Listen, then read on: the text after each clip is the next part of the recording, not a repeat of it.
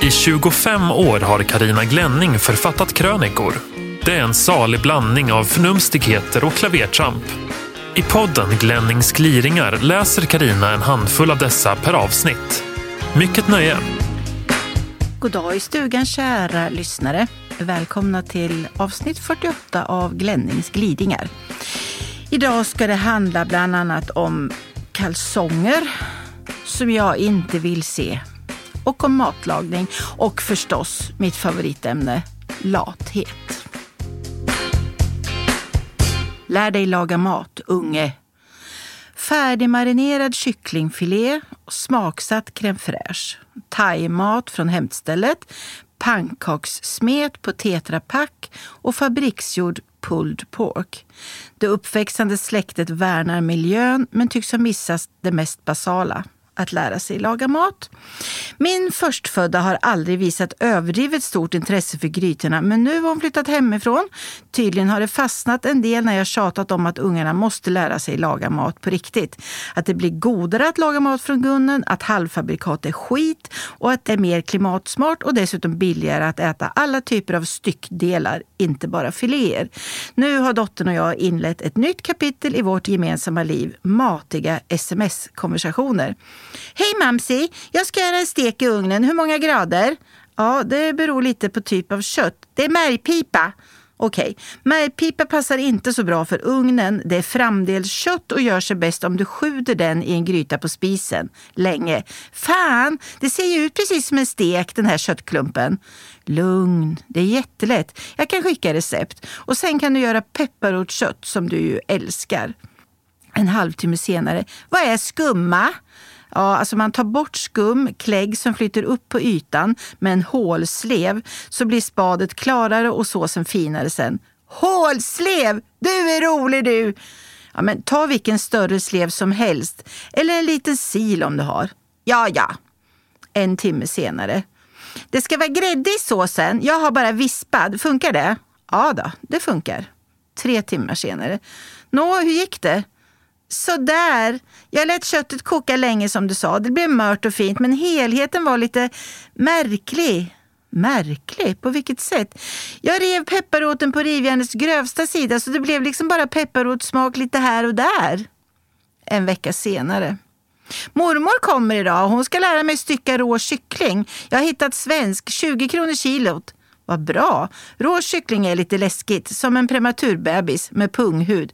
Usch mamma! Ett dygn senare. Nå, hur gick det? Bra, mormor visade. Sen styckade jag själv. Läskigt, precis som du sa. Men det kan man ju inte visa stålmormor. Hon är otrolig. Hon gjorde en soppa på buljongen efter att ha kokat kycklingskelettet. Det hade man ju bara kastat annars. Inte lätt att veta hur man gör en soppa av kycklingrester. Nu har vi frysen full och jag drömmer om att göra kalops och älggryta.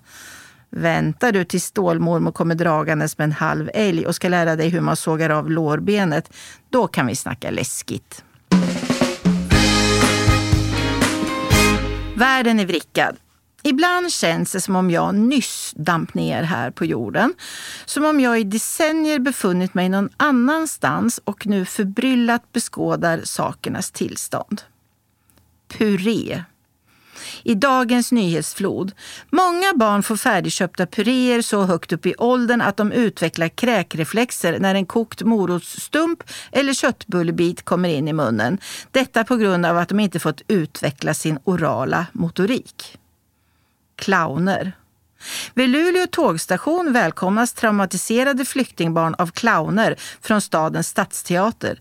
Clowner? Jag var livrädd för clowner när jag var liten, redan utan att vara traumatiserad innan.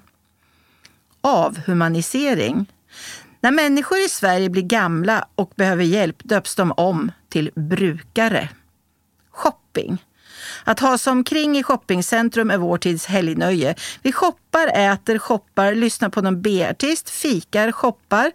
Ute lyser oktobersolen från en klarblå himmel och inne i Mammons tempel ojar sig folk över att det är så förbannat mörkt i det här landet. Mars.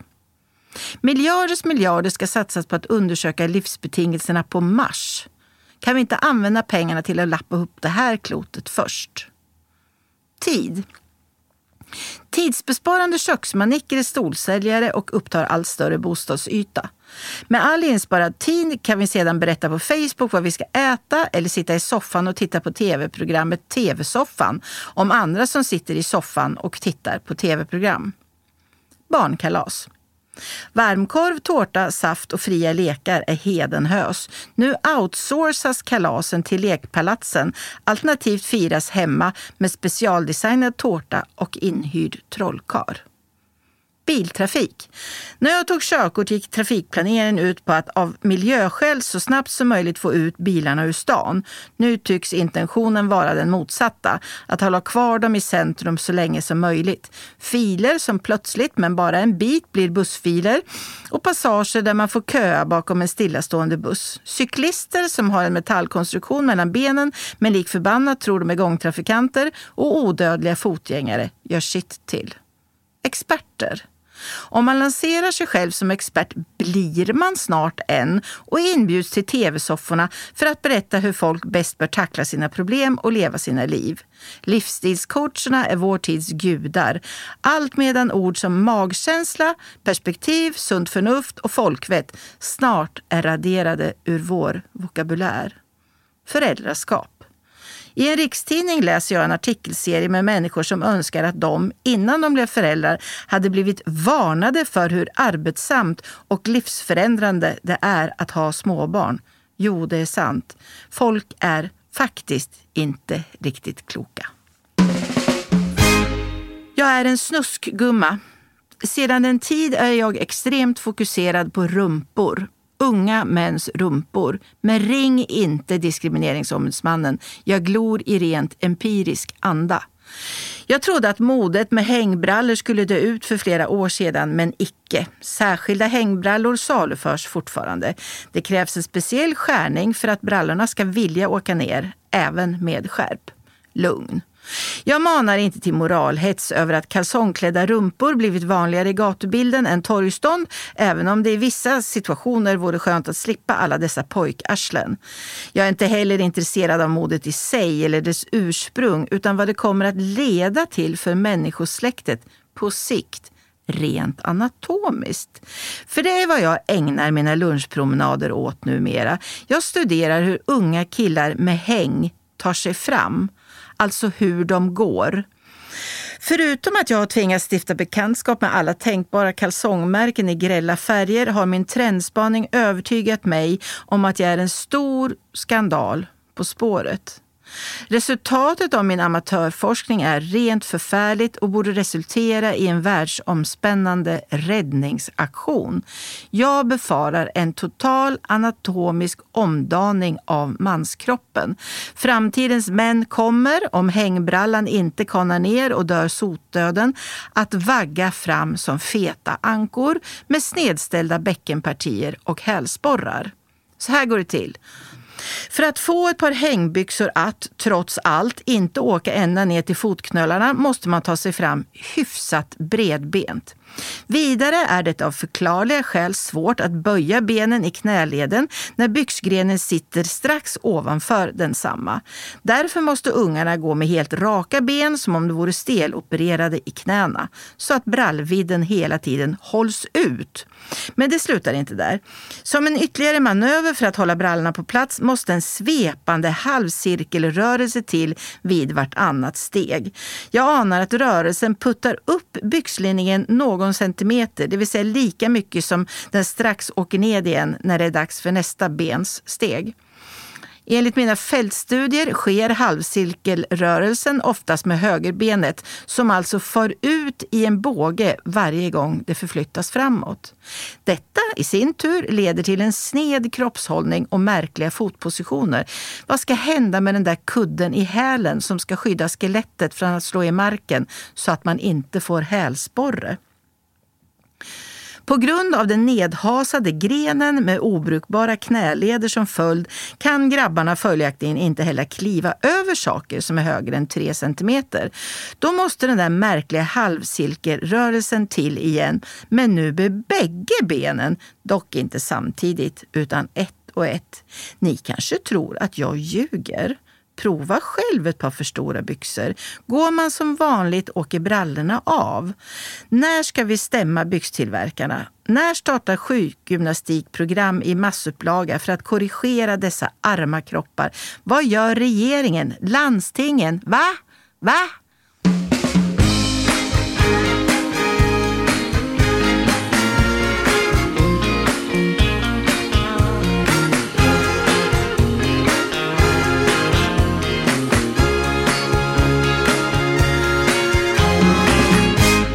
Träna dig i att vara lat. Det är inne att vara stressad. Det har jag aldrig begripit. Att alltid vara strängt upptagen är liktydigt med styrka. Tills man bränner ut sig. Då betraktas man som svag.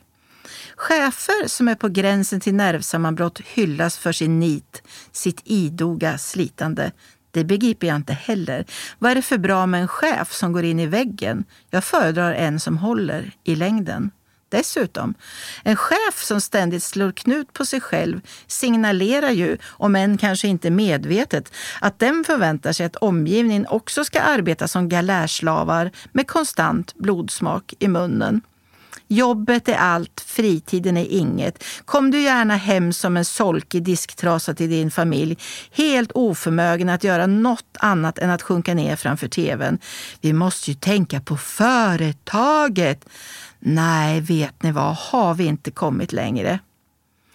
Jag avskyr att vara stressad. Det är ett tillstånd som jag gör precis allt för att undvika. Alltså är jag i princip aldrig försenad. Jag kommer i tid.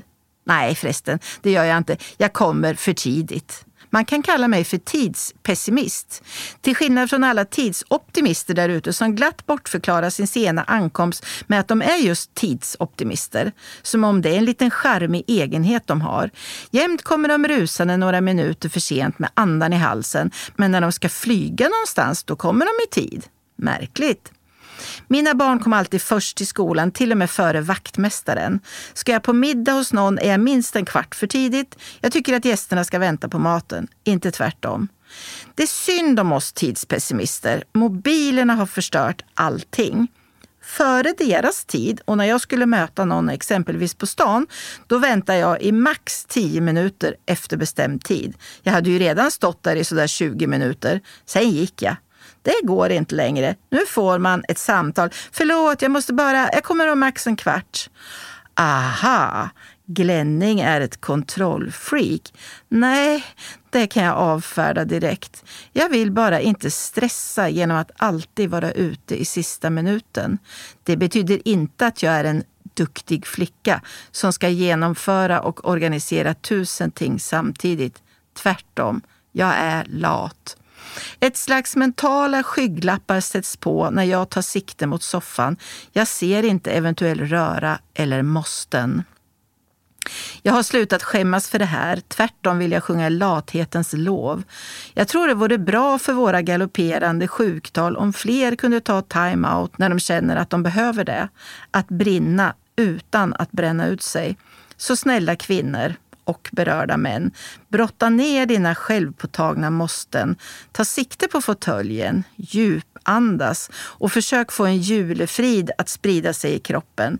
En riktig julefrid, alltså som inte är kopplad till dina prestationer. För övrigt ger jag mig tusan på att jag inom en snar framtid kommer att komma för sent till något. Sådana här förnumstiga deklarationer, de brukar straffa sig. Senaste nytt, det är vinter. Stoppa pressarna. Jag har en nyhet som har gått alla förbi. I Sverige har vi fyra årstider. En av dem är vinter. Då är det ofta snö och kallt. Jag hade semester ett par veckor kring jul och efteråt fick jag en och samma fråga. Var har du varit? Hemma, svarade jag och möttes av lite förvånade blickar och något överslätande, typ tja, så kan vi också göra. Det kan vara skönt. Men ändå, lite besvikelse kunde skönjas. Semester för att bara vara hemma i två veckor utan minsta exotiska ö i sikte. Aldrig har vi lagt så mycket pengar på våra hem för att få dem bekväma, lättarbetade och vilsamma. Men när vi ska vila känner vi oss nödgade att åka därifrån.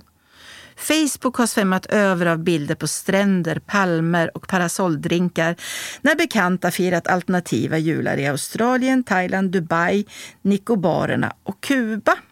Jag håller mig hemma, ja. Jag gillar julen och jag älskar svensk vinter när det verkligen är vinter. Snö och kallt. Om jag klagar över vädret är det för att det är för varmt. För varmt är allt över 25 grader.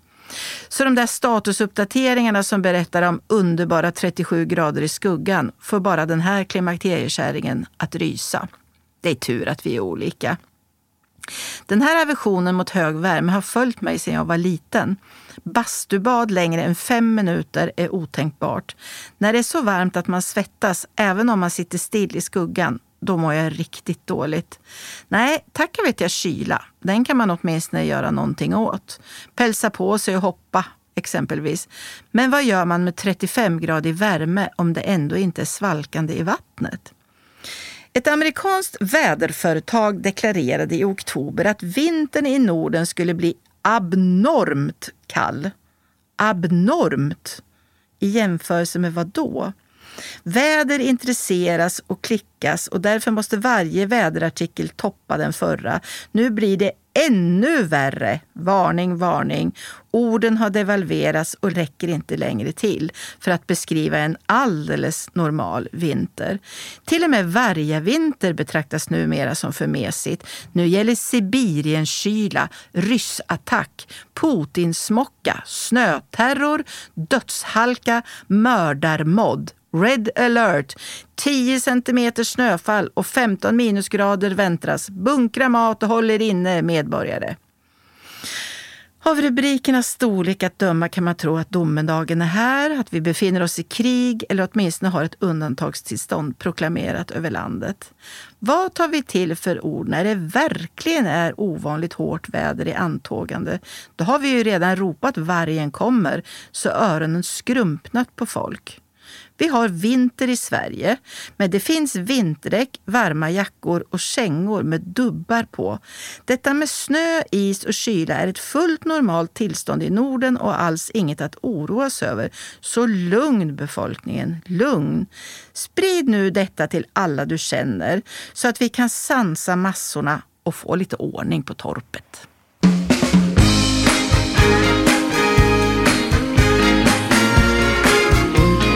Du har lyssnat på Glennings gliringar. Ansvarig utgivare, Christer Kustvik.